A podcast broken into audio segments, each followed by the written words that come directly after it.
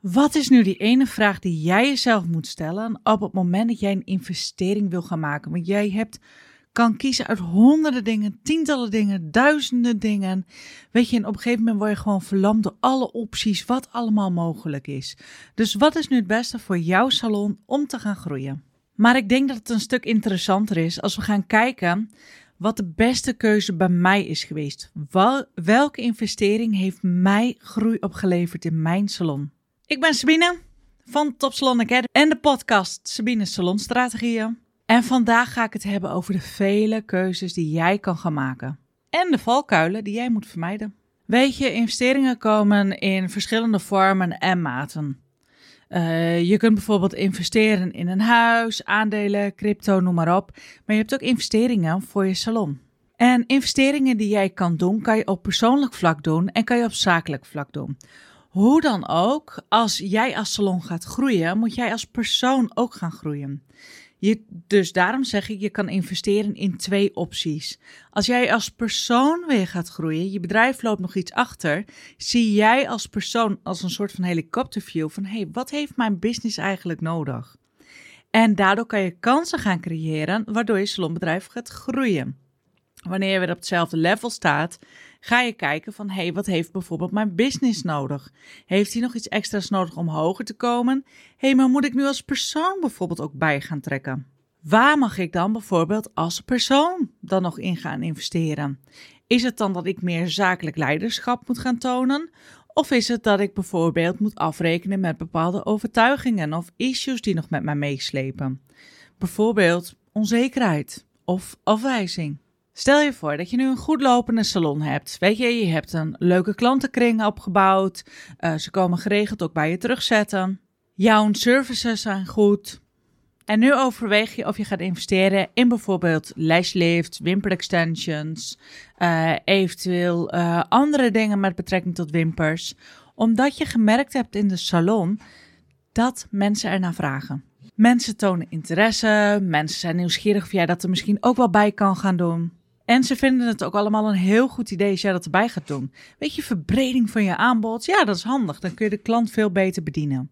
Maar zal die investering ook een groei voor je salon gaan betekenen? En dit is een valkuil die ik veel zie, maar ook iets wat ik ook heb gedaan. Ik begon als nagelstyliste. Vervolgens dacht ik van, oh, dan kan ik ook nog wel uh, die tandkristallen gaan zetten. Oh, ik kan ook nog wel de wimpers doen. En uh, oh, ik kan ook wel wenkbrauwen gaan verven. En oh, ik kan ook nog wat dit en ik kan ook nog wat dat. Maar wat ik mij nooit heb afgevraagd is of het daadwerkelijk nieuwe klanten gaat aantrekken. En of dat ook de klanten zijn die ik wil.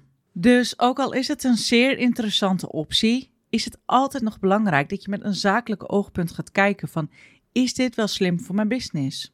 En zal mijn omzet hier ook daadwerkelijk van gaan groeien? Um, is het iets persoonlijks wat je ambieert? Zorgt het bij jou voor persoonlijke groei? Ik heb voor jou vijf stappen waarvan ik vind dat het belangrijk is dat je die gaat doorlopen.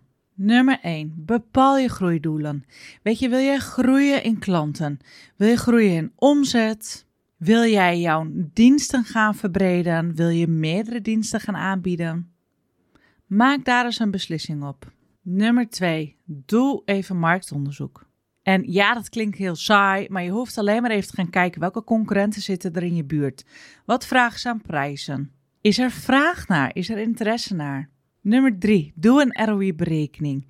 Dus hoe snel heb jij je investering weer terug? ROI staat voor Return of Investment. Zijn er voldoende potentiële klanten?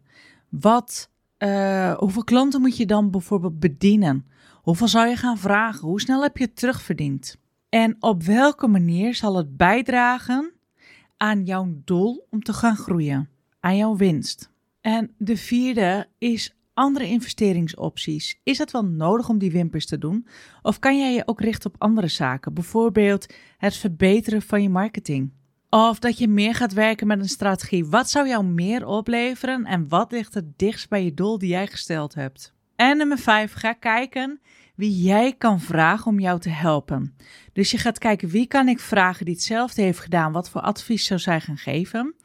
Wie uh, zou mij kunnen helpen met bijvoorbeeld de groei van mijn salon? En dat doe je om inzicht te krijgen in jouw salon en in je opties wat er allemaal mogelijk is.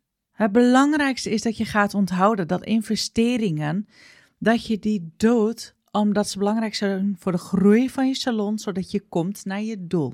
De nummer 1 valkuil van de meeste stylisten en vakvrouwen is dat we gewoon vakidioten zijn en dat we vaak beslissingen maken op emotionele basis. En we laten ons ontzettend vaak leiden door een stukje persoonlijke voorkeur, wat wij leuk vinden om te gaan doen. En niet business-wise. Dus wat zou zakelijk gezien nou slim en handig zijn? En misschien wil jij wel dat hele dure apparaat of die fantastische behandelingsstoel. Maar heb jij dat echt nodig voor je klanten om te groeien met jouw salonbusiness? En wees even eerlijk, die vraag stel je jezelf niet heel vaak. Tenminste, ik sowieso de eerste jaren van mijn onderneming niet. Ik was alleen maar bezig en gefocust op hoe krijg ik meer klanten. En de tweede valkuil is dat je het ook gewoon niet afstemt op de behoeften van jouw klant, jouw ideale klant. Want vragen ze er überhaupt naar? Is er echt interesse naar? En als er interesse naar is, is die interesse dan ook rendabel voor jouw salon? Want je kunt wel allerlei dingen gaan aanbieden. Alleen als er geen behoefte aan is, sla je de plank gewoon eigenlijk mis. Als je nou eerst even gaat onderzoeken of er nou daadwerkelijk vraag naar is, dan doe je ook geen investering die geen geld gaat opleveren. Denk bijvoorbeeld maar eens aan de klomp. Die kennen we allemaal wel. Stel je voor dat je die nou eens naar Bali zou brengen. En je opent daar een winkeltje. Dan is die klomp wel goed. Maar gaan die mensen daar in een met klompen lopen? Dus hoe enthousiast jij ook bent over jouw behandeling, jouw dienst, jouw product of jouw klomp, dat betekent nog niet dat er vraag naar is, dat het afgenomen gaat worden. En dat leidt eigenlijk tot een verspilde investering, een investering die gewoon niks oplevert. De derde valkuil is overmatige investeringen. Of investeringen die helemaal niet nodig zijn. En weet je, wij als nagelstalisten, wij als vakvrouwstalisten, ook al zit je in een andere tak van sport, wij hebben heel erg de behoefte, en dan praat ik even over als nagelstalisten zijnde, van oeh, nieuws kleurtjes, huppakee, doe die er ook nog maar eventjes bij. En doe dit er ook nog maar even bij. En we hebben de neiging om heel erg te gaan investeren in hoogwaardige ingrediënten, een luxe salon uh, inrichting en apparatuur. Zonder een keertje na te denken hoe jij eigenlijk naar de groei van je salon business gaat stimuleren. En dat leidt gewoon dat je dan een hogere investering hebt. Je groeit lang niet zo snel als salon zijnde, dus het duurt heel lang voordat je een keer bijtrekt. En daarom is het beter als je een lagere investering gaat doen, dat je eerst gaat opbouwen, winst gaat maken en dan zegt ik doe nog een investering. Die periode duurt namelijk veel minder lang of is korter. Dat betekent dat jij je investeringen gewoon veel sneller terugverdiend hebt. Nummer 4. Een gebrek aan financiële planning. Ik spreek ontzettend veel salons en stylisten en ik ben er ontzettend van verbaasd dat heel veel salons alles op één bult gooien, geen overzicht hebben, niet weten waar ze wat aan uit kunnen geven en denken van, oh, dit kan wel, dit kan wel, dit kan ik wel meenemen, dat kan ik wel meenemen. Maar wanneer dan die BTW en de Belastingdienst weer om de hoek komt kijken, dat iedereen denkt, nou heb ik uh, paniek in de tent. Hoe moet ik dit nou weer gaan betalen? Oh, misschien moet ik mijn prijzen omhoog doen. Ja, maar dat is ook niet fair, weet je, vanwege de Belastingdienst. En daarom is het heel erg belangrijk dat je dan ook geen beslissingen gaat maken op basis van kramp of financiële druk, maar dat je eigenlijk heel saai gaat budgetteren. Dat je eventueel een potjesysteem gaat toepassen. Dat je alles verdeelt. Dat je bijvoorbeeld je BTW direct al aan de kant zet. Dat je een deel voor je voorraad aan de kant zet. Voor je salaris. En ook eventueel voor de grotere investeringen. Als jij namelijk weet hoeveel geld je hebt, wordt het voor jou ook voorspelbaar wat je over hebt en word je ook veel relaxter als ondernemer. Dat geeft ook veel meer ruimte voor creatieve ideeën. En nummer 5, dat is focus op je concurrenten. Of te veel focus op je concurrenten. En alles waar te voor staat is niet goed, behalve tevreden. Natuurlijk is het hartstikke belangrijk om te kijken wat je concurrenten doen, wat ze aanbieden. Alleen wat het probleem is, jij ziet vaak alleen maar de voorkant en niet de achterkant. Dus ook al lijkt het heel mooi dat iemand een hartstikke mooie salon heeft en heel veel producten en heel veel diensten, maar hoeveel verdient ze dan? Misschien heeft ze alles erop ingezet en verdient ze helemaal niks. Misschien heeft ze een prachtige salon, maar verdient haar kerel het geld. En financiert zij alleen maar haar salon. Dus alle inkomsten die er binnenkomen, daar financiert of dat investeert zij dan weer in allemaal nieuwe producten. Maar onderaan de streep blijft er helemaal niks over. Dus daarom mag je best marktonderzoek doen en kijken naar je concurrenten, maar je mag er niet te veel op focussen. Want dan schiet je in een verkeerde mindset. En dat is ook een mindset waarin je te veel gaat vergelijken, dat je negatieve stemmetjes gaat krijgen. En je altijd het idee hebt, oh, ik ben nog lang niet zo goed als haar. Zie je wel, ik ben niet goed genoeg. En de zesde, en dat is de laatste, dat is dat we gewoon geen tijd besteden aan planning. Aan een stukje onderzoek. Want, ach, dat komt nog wel, dat is niet nodig. Ja, maar als ik gewoon zorg dat ik goed ben in mijn vak, weet je, dan komt het ook allemaal vanzelf wel. En uh, joh, ik uh, zorg wel dat de klanten gewoon bij me komen. Joh, komt allemaal wel goed, joh. Dat is echt een strategie van lik me de reet. Kijk bijvoorbeeld eens naar afvallen. Als jij zegt, ah, dat gebeurt vanzelf al, joh, dat ik 20 kilo afval. Ja, oké, maar wat is dan jouw plan? Hoe ga je dat dan doen? Wanneer wil je dat dan gaan realiseren? Als jij dat niet gaat doen, en stel je voor het is 1 januari, we roepen dat allemaal, oh, we willen allemaal 10 kilo kwijt bijvoorbeeld. Hoeveel van jullie spreek ik wel niet vlak voor de zomer en die nog geen kilo kwijt zijn? Misschien zijn ze zelfs aangekomen. En aan het eind van het jaar hebben ze de doelen helemaal niet gehaald. Dat zijn er een heleboel. Ik denk dat dat 99% van de bevolking is.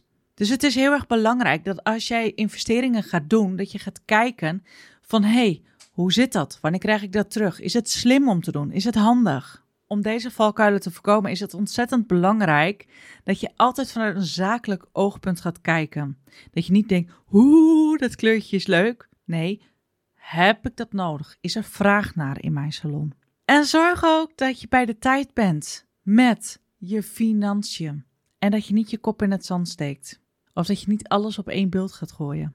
En hetgeen wat mij de meeste groei heeft opgeleverd, is door gewoon te kijken: hey, wie kan mij leren hoe ik beter mijn business kan runnen?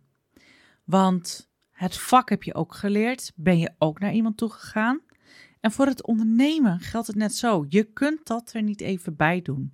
En tuurlijk, ondernemen is letterlijk acties ondernemen en ook dingen doen. Maar je kunt je wel helemaal doodrennen. Maar waar ren je naartoe als jij niet eens weet wat het doel is waar je naartoe uh, gaat? Dus wat is je B-punt? Maar hoe weet jij waar je links en rechts moet als je al niet eens weet waar je A-punt is? Dus als ik nu zeg, hier heb jij een routeplanner en wij gaan nu naar Zuid-Spanje, waar ik graag naartoe ga. Laten we Malaga nemen. Ik woon er ergens anders dan waar jij woont. Dat betekent dat als wij allebei dezelfde routeplanner aanhouden, dat waarschijnlijk ik wel in Malaga aankom, maar jij niet. En daarom is het zo belangrijk dat je ook goed gaat kijken naar je A-punt. En ik heb ook nog iets speciaals voor jou als gewaardeerde luisteraar en nieuwe kijker. Maar misschien kijk je dit over acht jaar wel en denk je, Sabine, waar heb je het over? Nou, ik ben nog niet zo lang bezig met videopodcasten.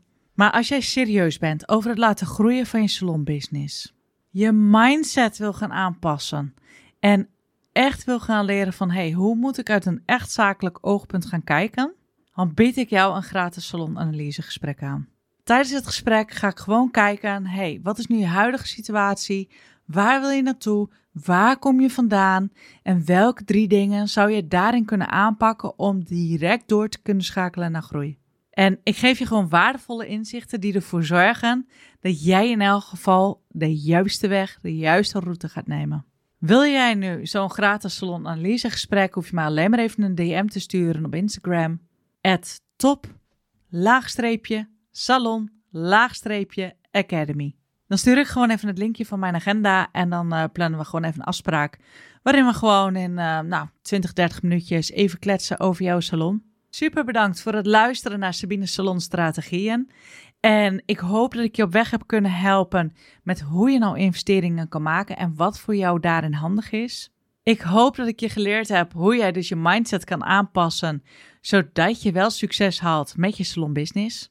En vergeet me ook zeker niet een DM te gaan sturen. Want ook al wil je niet zo'n gesprek, zou ik het nog super tof vinden welke valkuil jij herkende of welke tip jij het meest interessant vond.